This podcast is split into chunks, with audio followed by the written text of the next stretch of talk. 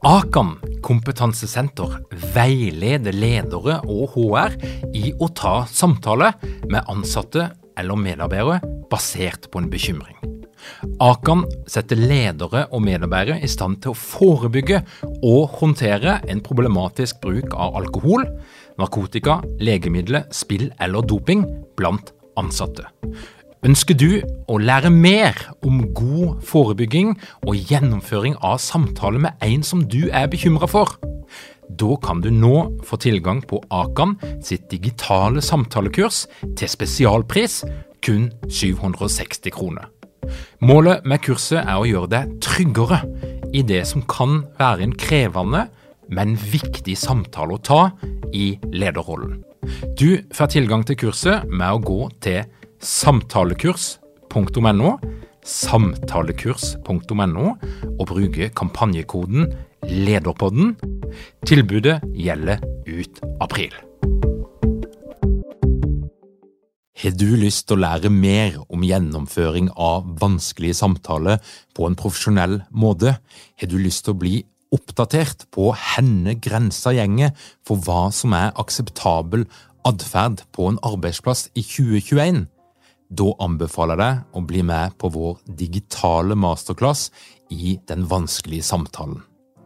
Masterklassen avholdes av Svein Tore Bergestuen og meg sjøl, Tor Åge Eikerapen, og vi vil rett og slett lære deg alt det vi kan om gjennomføring av vanskelige samtaler.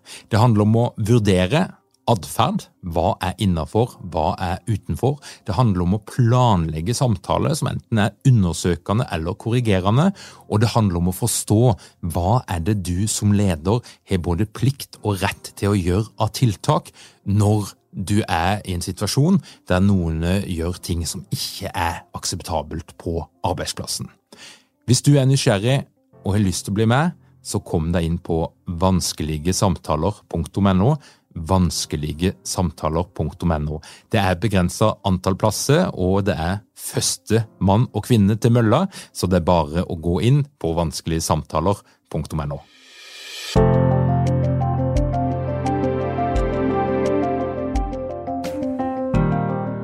Velkommen til Lederpodden.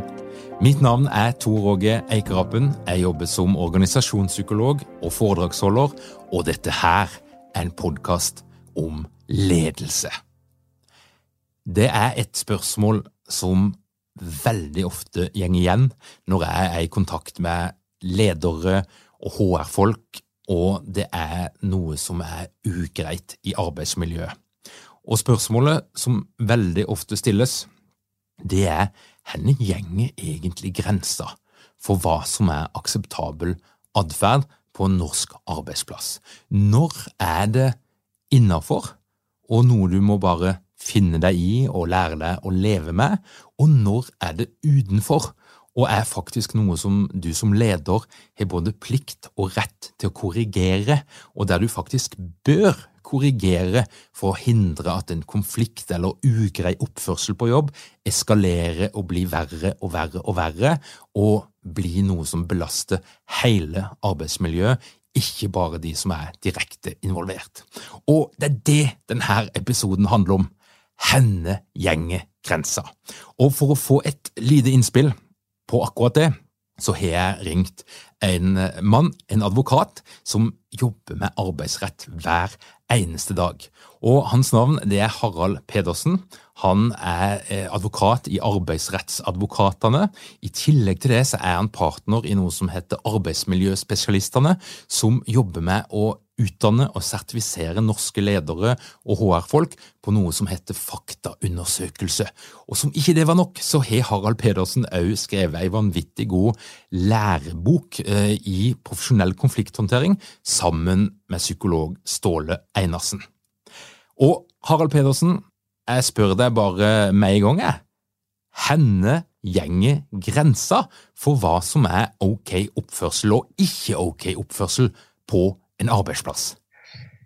Ja, altså Det som kan være vanskelig, er jo spørsmålet har du blitt utsatt for ledelse, eller har du blitt utsatt for en krenkende, utilbørlig, trakasserende opptreden fra en leder? Det er et, spørsmål som går igjen.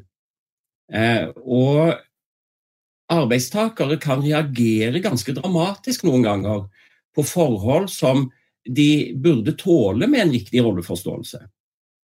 Eh, så, så, så, andre ganger så utsettes man jo for destruktiv ledelse. Ledelse som da er på en måte vanskelig å finne systematikken i. Eh, det er jo ikke så helseskadelig å ha en leder som, som, som er en drittsekk, egentlig. Men hvis det er en uforutsigbar altså fordi Drittsekken, altså Så lenge vedkommende er forutsigbar, så vet du jo hvor du har han hen, eller hun. Men uforutsigbare ledere, uforutsigbare drittsekker, de er vanskelig å forholde seg til. Du vet alt. Du klarer ikke å se sammenhengene, du klarer ikke å finne en tråd i det du skal drive med. og Det, det kan skape uklarheter og usikkerheter som man blir syk av. Eh, men så har du også arbeidstakere som da misforstår rollen sin. De tror de kan bestemme mer selv, de vil ikke innordne seg. Eh, de, de Eh, i, i, noen saker så har de også gått inn i det, det, man, det de kaller for slårolle, hvor de sier fra om ting. Og da kan de bli veldig vanskelig å styre noen ganger. Eh, så, så, jeg har hatt saker hvor man har varslet om så mange ting til arbeidsgiver over tid at det har sysselsatt mange personer bare å håndtere varslene. Eh, og det er klart at da da begynner, så, så, så, her pirker du borti et veldig stort felt, egentlig. Veldig mange, mange iboende problemstillinger da. Hva er de vanligste temaene Harald, som, som dukker opp i din, i din, arbeidshverdag, der ledere opplever å være litt sånn i grenseland, og der de blir i tvil om en viss type atferd eller atferdsmønster er innafor eller utenfor åssen vi skal ha det på norsk arbeidsplass? det er jo veldig mange konflikter i norsk arbeidsliv for tiden som skyldes eh, manglende rolleforståelse, egentlig. Og Dette går jo da inn på noe som, som, som, du som psykolog også er opptatt av. selvfølgelig går det inn på Forstår du den rollen du har? Og, og, og klarer man å se forskjellen på en juridisk rolle og en annen? Og, eh, forskjellen er jo først og fremst at juridiske roller er definert. Så når en arbeidstaker er på jobb, så er denne arbeidstakeren i en definert rolle. Eh, det samme er jo denne arbeidsgiveren, da, som er satt til å lede og kontrollere denne arbeidstakeren. Så De har veldig forskjellige roller, men disse rollene er da juridisk definert. Eh, og så er det noe med hele situasjonen på arbeidsplassen som er viktig å ta med seg inn i dette. at du, du er jo da satt i en situasjon på en arbeidsplass hvor du, du, er metaforisk sett innelåst med folk du ikke har valgt selv, eh, og med andre som bestemmer over deg. Så dette er jo egentlig oppskriften på konflikt i seg selv. Eh, og, og da er jo spørsmålet hvordan håndterer du dette, og hvor går grensene? Eh, som jeg innledet med, så er egentlig en del av de bakenforliggende årsakene til at det går galt, er ofte at arbeidstakere ikke forstår i hvor stor grad de faktisk må innordne seg styring og ledelse.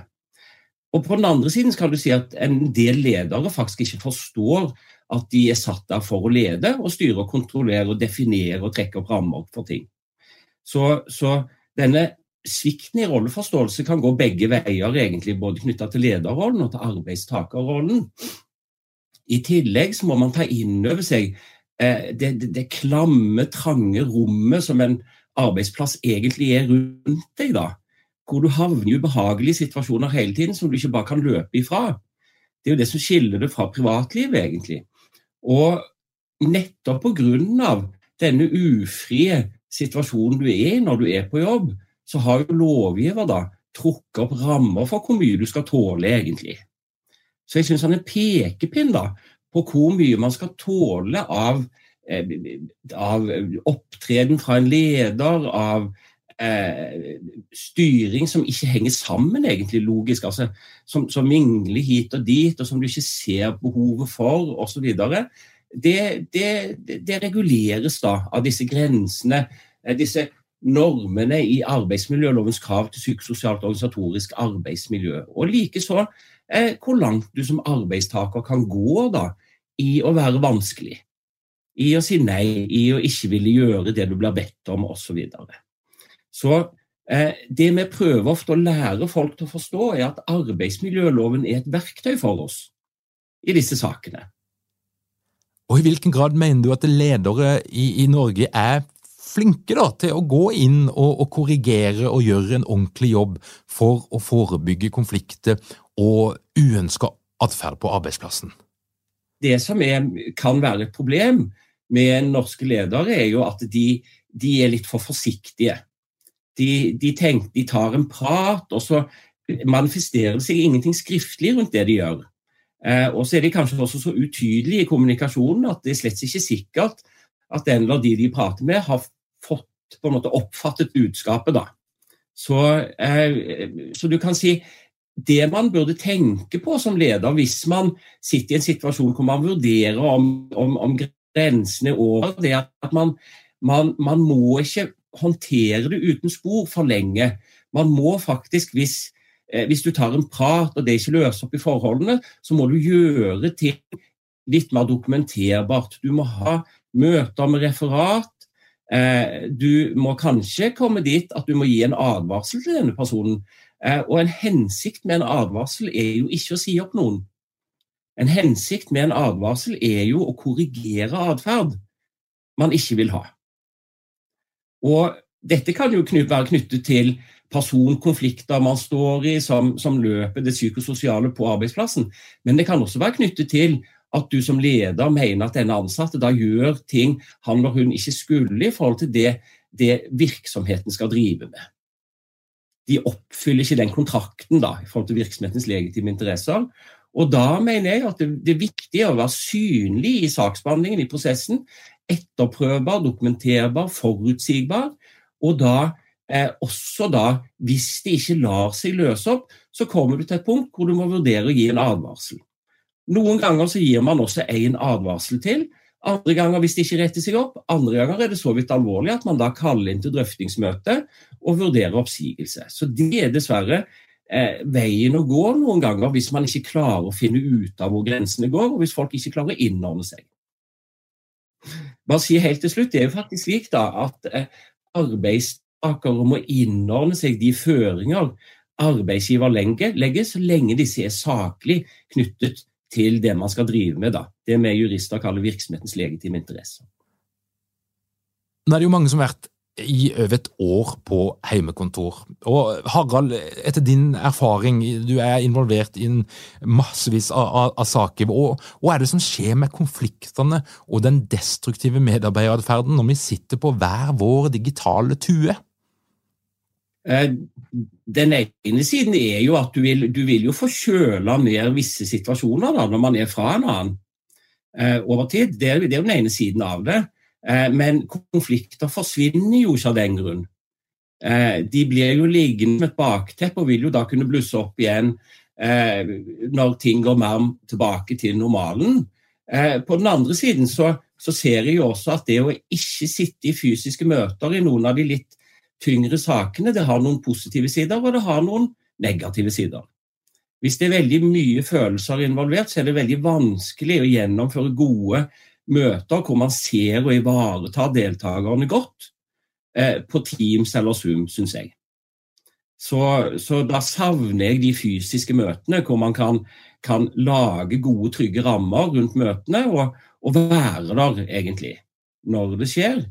Eh, andre ganger så kan jo den distansen som, som Zoom og Teams gir da når man skal ha møter og snakke om ting, være med på å, å, å, å få også arbeidstakere og ledere som er i konflikter og uenige om roller og, og hvordan ting skal være, de, de, får de til å slappe litt mer av og kanskje føle seg litt tryggere også. Så, så det har både fordeler og ulepper når du skal inn og jobbe med konfliktene. da. Tusen takk til Harald Pedersen. Han er en mann som vi kommer til å komme tilbake til, som har et stort engasjement for dette her temaet, og, og, og vanvittig med erfaring fra virke, den virkelige verden. Og der skjer det faktisk utrolige ting.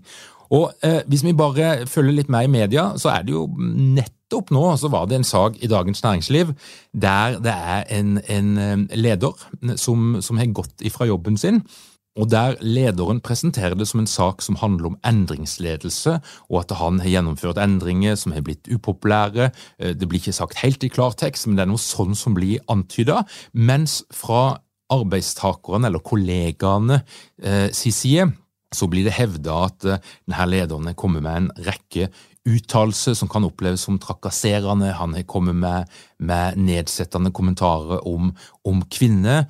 Um, og, og, det er en typisk sak der det er litt sånn vanskelig å sortere hva er hva.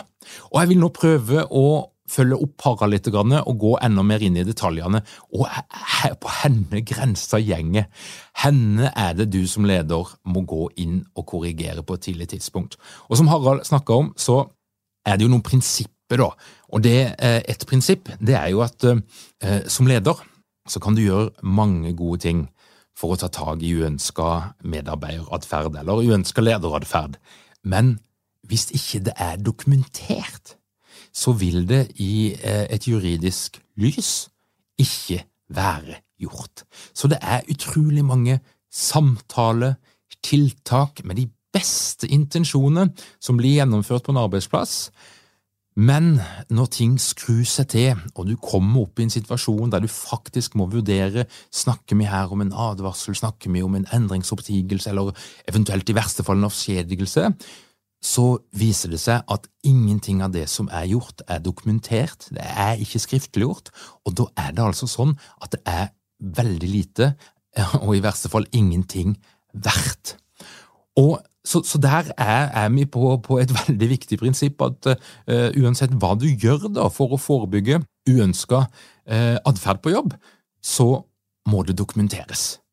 Uh, og Det er mange måter å gjøre det på, men, men skriftliggjøres, altså referat. Og, og Hvis ikke en er enig om hva som har skjedd, så, så er det iallfall en logg, eller at en er enig om at det har vært et tema. For det som veldig ofte skjer, det er at eh, sånne folk som Harald, og jeg får noen av de telefonene sjøl òg, uh, fra arbeidsgivere som beskriver en situasjon der det har eskalert, der ting har blitt veldig ille, og så ønsker de å gripe inn og gjøre noe, og det er egentlig blitt ganske alvorlig, men så viser det seg at de kan egentlig ikke gjøre noe som helst, for det at alle de tiltakene som er blitt gjort før, de er ikke dokumentert, og de er kanskje ikke heller helt ordentlig gjennomført. Nettopp dette her som Harald snakker om, at eh, den andre parten har ikke skjønt budskapet, for det har vært så utydelig, det har vært så, så forsiktig. Men jeg skal prøve å trekke opp ei linje, for eh, jeg tror mange ledere har godt av å trene seg litt på og òg få litt sånn realitetsorientering på hvor er det egentlig grensa gjenger.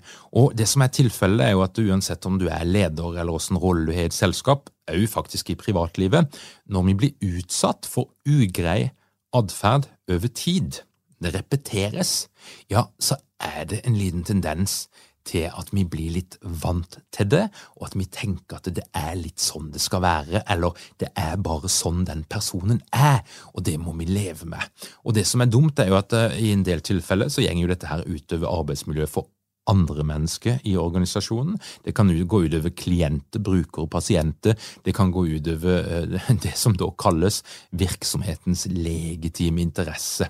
Og destruktiv medarbeideratferd det er jo da et begrep som, som annet blir brukt i noen av bøkene til Ståle Einarsen om arbeidsmiljø. Og definisjonen da, som, som, kommer i det gode arbeidsmiljøet, som er skrevet i 2011, det er at destruktiv medarbeideratferd det er enhver form for atferd hos ansatte som står i motsetning til virksomhetens legitime interesse. Og Det betyr at hvis du er leder og opplever da den type atferd, altså noe som egentlig liksom er, som er litt sånn sabotasje, eller det, det, ødelegger litt for arbeidsmiljøet, eller det, det ja, det, er eh, stender imot de legitime interessene til virksomheten, da er det en god mulighet for at vi kan snakke om en form for destruktiv medarbeideratferd som du som leder har plikt og rett til å gå inn og korrigere, og hvis ikke du korrigerer det, så gjenger det veldig sjeldent over, men det har en tendens til å eskalere i en eller annen form. Og Derfor så er det jo så viktig å komme inn tidlig og få tatt de her korrigerende samtalene. Eh, det som eh, er de fire vanligste temaene eh, for denne type destruktiv medarbeideratferd, og da vet du ikke godt at jeg vet jo at det finnes ledere som er veldig destruktive, men, men det er nå likevel det begrepet vi, vi forholder oss til, og så kan godt ledere òg gå inn i den samme kategorien. Men det er fire temaer, og det handler eh, ofte om arbeidsutførelse, måten en gjør jobben sin på, Er dykken mange ledere uten trening eller utdannelse innen ledelse? Mangler dykken en felles kultur og praksis for ledelse? Ønsker dykken å være bedre rustet for fremtidig vekst og endring? Da kan et internt lederutviklingsprogram være en god investering.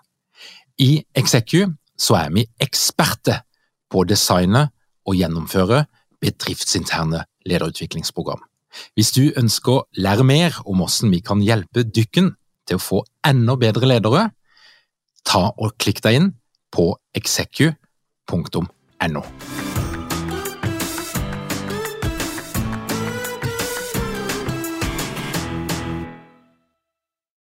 Og det kan handle om hvordan du bruker eiendom og utstyr. Og, og da er vi nok òg der at tid hvordan du bruker den tida på jobben som du er betalt for å jobbe, ja, det er òg faktisk innenfor arbeidsgivers eiendom. Altså, det er sånn at når vi er på jobb og får lønn for å være der, så eier arbeidsgiver langt på vei den tida. Det betyr at hvis du bruker tida til noe helt annet enn det egentlig avtalen er, ja, så er det en, en destruktiv medarbeideratferd som da retter seg mot arbeidsgivers eiendom. Eh, et uh, nummer to på lista, og dette her er ikke noe prioritert rekkefølge eller noe rangering, men det jo, handler jo da om oppførsel mot kollegaer og overordna.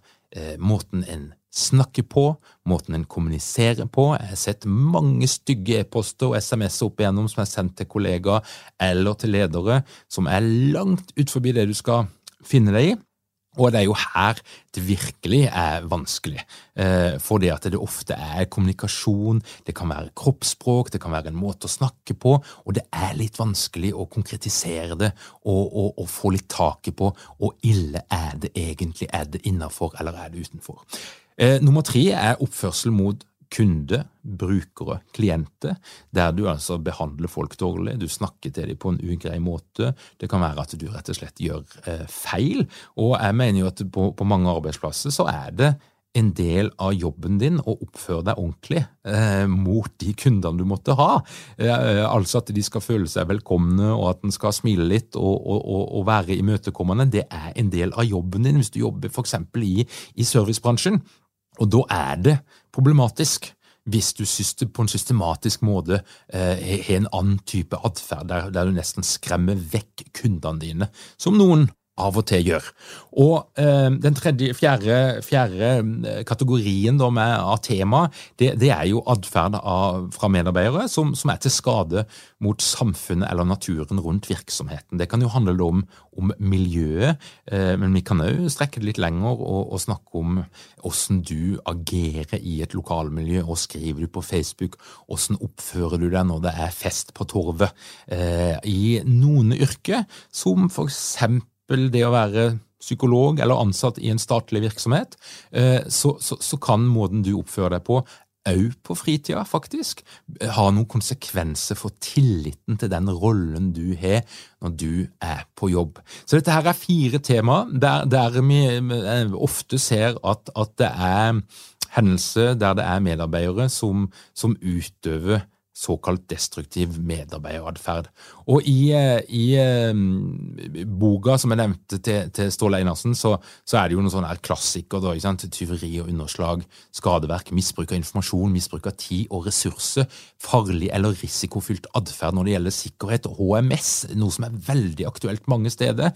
Altså det å ikke følge HMS-reglene som er satt for en virksomhet, det å aktivt motarbeide det eller, eller ikke bry deg om det, ja, det er òg faktisk destruktiv medarbeideratferd innenfor denne forståelsen av det. Så det er mye å ta av. Eh, når det gjelder grensa, så sa jo Harald Pedersen noe om arbeidsmiljøloven Men vi kan godt begynne litt sånn lenger inne, for vi har altså noen ganske tydelige grenser i Norge.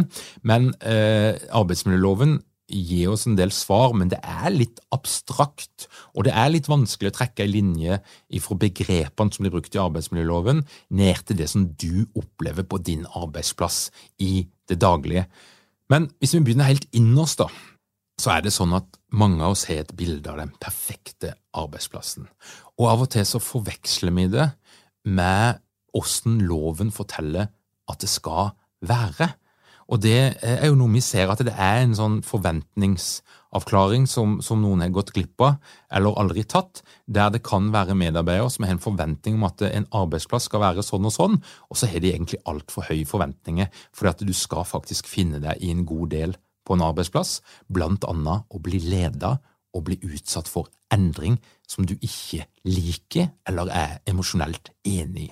Og det er noe dritt, men det er altså tillatt. Men eh, innerst så kan vi jo da si at eh, liksom litt sånn utenfor den perfekte arbeidsplassen og den oppfatninga vi måtte ha av hva det skal være, så har vi det jo det mer kulturelle. Sånn gjør vi det hos oss. Folk folkeskikk. Altså, det er sånn vi ønsker å ha det. Der kan en definere ei grense på hva som er greit på vår arbeidsplass. Sånn ønsker vi å ha det her. Og Det betyr jo at hvis du har kollegaer som støtt og stadig gjenger utfor den grensa, ja, da er det nok på sin plass at, at du må korrigere det og tematisere det og, og, og, sjekke ut hva er dette her for noe. For, for, for det er òg en, en gyldig norm hvis det er noe dere kollektivt har blitt enige om på arbeidsplassen. Sånn skal vi ha det her så gjenger noen støtt og stadig utenfor den grensa, ja, da er det på sin plass med, med en prat og, og, muligens en korrigering. Og så er vi likestillingsloven, som forteller oss veldig mye. Den forteller oss f.eks. hvordan det er ok å snakke om og til noen som er gravide. Eh, den snakkes, sier noe om at du faktisk ikke skal ha seksualiserte kommentarer på, på en arbeidsplass. Det er, det er, ikke greit med kommentarer knytta til kropp og utseende. Eh, og, og, likestillingsloven er blitt veldig, veldig tydelig. Den forteller selvfølgelig noe om, om at ikke folk skal diskrimineres på noe som helst slags vis i en ansettelsesprosess eller i andre typer prosesser som skjer i loven. Ehm, og så kommer vi litt sånn eh, litt utover for, for arbeidsmiljøloven. Den er litt sånn litt romsligere, da. Eh, og, og, og arbeidsmiljøloven forteller jo veldig mye. Og det er noen begreper som, jeg, jeg, som jeg syns er ja, ganske greie å ha et forhold til. Da. Og, og det som arbeidsmiljøloven sier noe om veldig tydelig, det er jo at det psykososiale arbeidsmiljøet skal utformes på en sånn måte at den ikke utsettes for uheldige fysiske eller psykiske belastninger, og slik at sikkerhetshensyn ivaretas. Og psykisk belastning, ja, hva er det for noe egentlig? Jau, det er jo da hvis du har en kollega som stadig kommer med litt sånn nedsettende kommentarer til deg negative kommentarer eller eh, som stadig slipper ei bombe i møte og kritiserer deg eh, på saker som du ikke har fått anledning til å forberede, og, og, og der du blir liksom tatt litt på senga, og det repeteres. Ja, kanskje, eh, hvis det er sånn at du systematisk blir forskjellsbehandla. Altså du, du, kommer alltid sist når det er liksom nesten ingenting tid igjen på en presentasjon, eller du, du, du får minst ressurser systematisk, og det er liksom ingen andre fornuftige grunner for det. Hvis du blir utskjelt, og spesielt hvis det skjer av en leder, altså du blir snakka til en aggressiv tone med mye følelse, ja, eh, hvis det skjer én gang, og kanskje flere ganger, så i, i, rettens forstand da, så er det mye som tyder på at det defineres som en psykisk belastning. og Det at en leder skjeller ut en medarbeider, det er et kjempeeksempel på at der gjenger grensa i norsk arbeidsliv. Det skal du ikke ha for mye av eh, hvis du skal følge arbeidsmiljøloven. Eh, så der trår du over grensa. Og så er det jo noen andre begreper. Integritet og verdighet. Arbeid skal legges til rette sånn at arbeidstakers integritet og verdighet ivaretas. Ja, hva betyr det? Jo, det betyr kanskje at ikke du skal settes inn i en situasjon der du helt klart eh, blir bli ydmyka, eller hva det nå skulle være for noe. Litt sjeldnere at det begrepet der brukes, men, men, psykisk belastning er nok det som jeg i hvert fall ser at oftest blir brukt og referert til, f.eks. i faktaundersøkelse eller i rettssystemet, der det er eh, noen som skal bevise at, at, en arbeidstaker er blitt utsatt for et eller annet som, som ikke er greit. Og eh, Så sier det arbeidsmiljøloven også noe da om at eh, Arbeidstaker skal ikke utsettes for trakassering eller annen utilbørlig opptreden.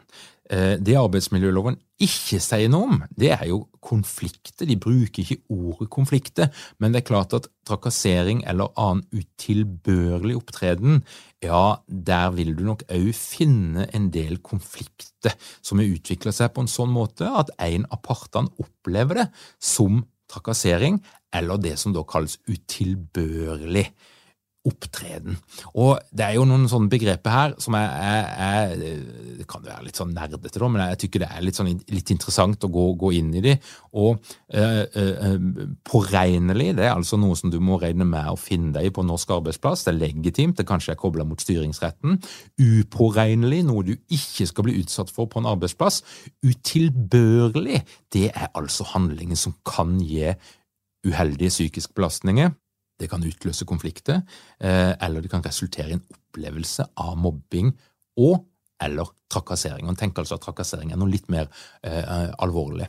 Så eh, dette her er noen ganske tydelige grenser, men det som gjør det vanskelig, det er jo at i veldig mange tilfeller på norske arbeidsplasser så er det ikke én alvorlig, grov hendelse som er problemet men det er små drypp. Små hendelser som isolert sett kanskje ikke bryter med arbeidsmiljøloven, men når det repeteres, og når det skjer litt sånn systematisk over tid, så begynner vi å snakke om at kanskje det foreligger et brudd på arbeidsmiljøloven, eller altså en, en type atferd som du som leder har plikt til å eh, korrigere og gjøre noe med. Og trakasseringsbegrepet, hva er det som ligger i det? Uh, Jau, det arbeidsmiljøloven sier noe om, det er jo at eh, det er en type atferd som du utsettes for, som er uønska, som er uoppfordra, som er ensidig, og som er gjentagende og av en viss varighet.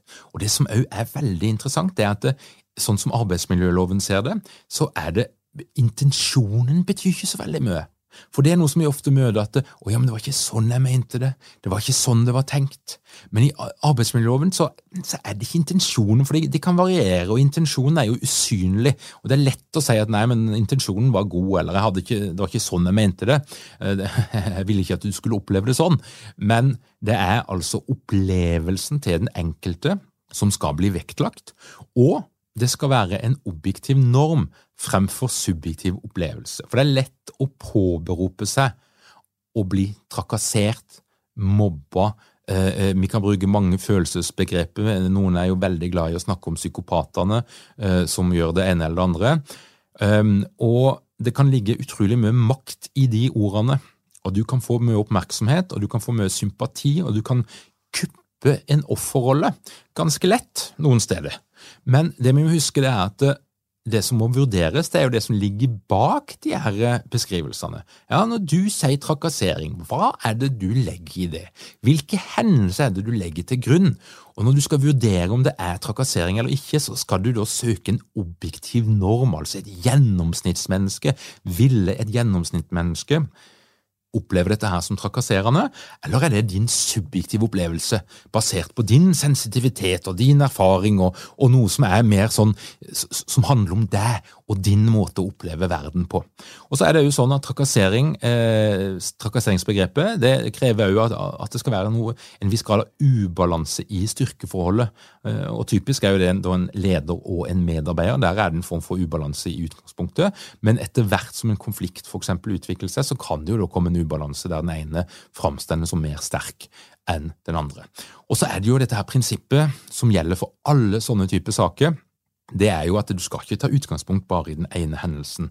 Eh, og det er veldig sjeldent at det bare handler om én hendelse. Det handler altså om en samla og helhetlig vurdering. Så du må se det under ett. Og det er jo saker, for eksempel så har vi en sak fra eh, Universitetet i Stavanger som har fått mye oppmerksomhet, der det er en professor som da sender tekstmeldinger som er eh, mildt sagt eh, slibrige, der han spør om han kan få kjøpt truser til, til studenter. og, og ja, Den her har fått mye oppmerksomhet, men eh, der gjengen langt tilbake. Denne saken er i, i, i, i rettssystemet, jeg tror i 2018 eller noe sånt, og, så ser en faktisk helt tilbake til 2009 eh, noen hendelser som den samme professoren da var involvert i, eh, og, så ser en dette her òg som en del av det totale bildet for å, for å vurdere denne saken i rettslig forstand.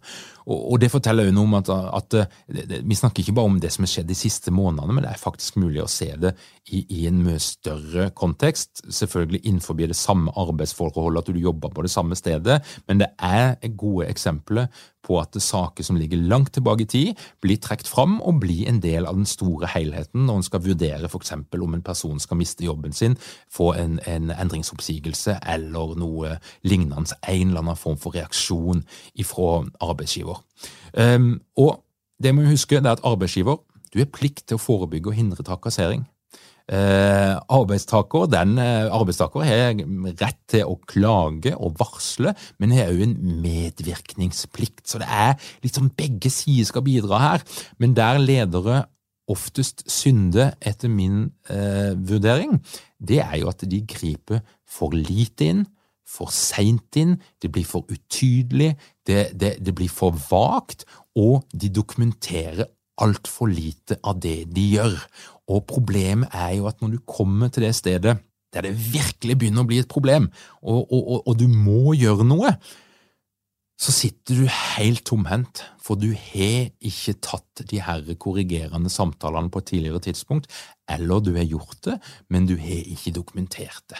Og som, som arbeidsgiver så har du en veiledningsplikt. Det betyr at hvis noen oppfører seg på en måte som ikke de skal, ja, så har de jo rett til å bli veileder på dette her. De må jo bli informert om at det her oppleves som litt sånn ugreit. Kan du vennligst endre litt på atferden din? Og, og, og, hvis aldri du får den beskjeden, ja, men da fortsetter vi å oppføre sånn som vi tenker er akseptabelt på denne arbeidsplassen. Og, og det er der lederne synder, for det at eh, de må inn og veilede og korrigere på et tidlig tidspunkt hvis du skal ha noe å komme med lenger nede i veien. Og Husk òg at alle sånne her type påstander da, som du måtte eh, komme borti om andre arbeidstakere eller ting du ser sjøl, de må jo undersøkes, og den det gjelder, har rett til kontradiksjon, altså har rett til å komme i møte det som blir eh, påstått, eh, og, og, og, det er et ekstremt viktig prinsipp. Så det er jo ikke nok at du sitter og, og tenker dine ting og har dine bekymringer og hører noe fra andre, men du må jo selvfølgelig snakke med den det gjelder. Og Det handler jo om å bli behandla på en litt sånn fair og ok og etterrettelig måte. Hvis noen anklager meg for noe, ja, men da har jeg veldig lyst til å fortelle min side av historien. Og det er et viktig rettsprinsipp at jeg skal ha rett til å imøtekomme de påstandene som måtte være der. Og så sitter jo du som arbeidsgiver da til slutt og må gjøre denne vanskelige vurderinga. Er det innenfor, er det utenfor? Og, og, det er jo ikke sånn at vi hele tida kan involvere advokater og andre i dette her arbeidet. Av og til så må en som arbeidsgiver ha en litt sånn en, en, kompetent følelse av hvor denne grensa skal gå, men jeg tror nok at veldig mange ledere der ute hadde hatt godt av å lese seg litt opp på arbeidsmiljøloven, eh, surfe litt på lovdata og se på sakene for å få et litt mer tydelig bilde av hvor gjenger grensa, når må jeg faktisk inn og korrigere, når jeg har rett og plikt til å gjøre det. Så Kjære leder um, og HR-medarbeider, dette her ble mye om henne grensa gjenger. Og eh, som dere nå vet, så er det sånn at eh, sammen med Svein Tore Bergstuen så skal vi sette opp en masterclass. Det gjør vi to ganger i året eh, om akkurat dette her. Og jeg jeg tykker det er veldig spennende. Og det er jo sånn at de fleste ledere som er med på denne masterklassen, og HR-folk, de, de, kommer jo ut og, og har sett lyset litt etterpå. Både fordi de blir tryggere på, på, å gjøre vurderingene og forstå litt henne skal jeg plassere denne oppførselen. her, Er det innenfor eller er det utenfor? Og så blir en òg kommunikativt tryggere på å stå støtt i de her krevende samtalene. Så en liten reklame til, til deg der. Eh, vanskelige samtaler.no hvis du har lyst til å gå enda dypere, og òg kanskje få trent litt og, og få, litt, eh, få litt oppdatert materiell på dette her temaet. Tusen takk for at du hører på Lederpodden. Hvis du har lyst til å bli oppdatert på alt det vi finner på, vi har noe gratis webinarer på gang med, med, nettopp den vanskelige samtalen, så kom deg inn på lederpodden.no. Der kan du legge igjen e-postadressen din, og da holder vi deg oppdatert. Du får òg vårt ukentlige nyhetsbrev som heter Endelig fredag? spørsmålstegn, eh, der du blir oppdatert på alt som vi holder på med. Lederpodden.no. Igjen Takk for at du hører på Lederpodden, og jeg ønsker deg ei veldig god uke.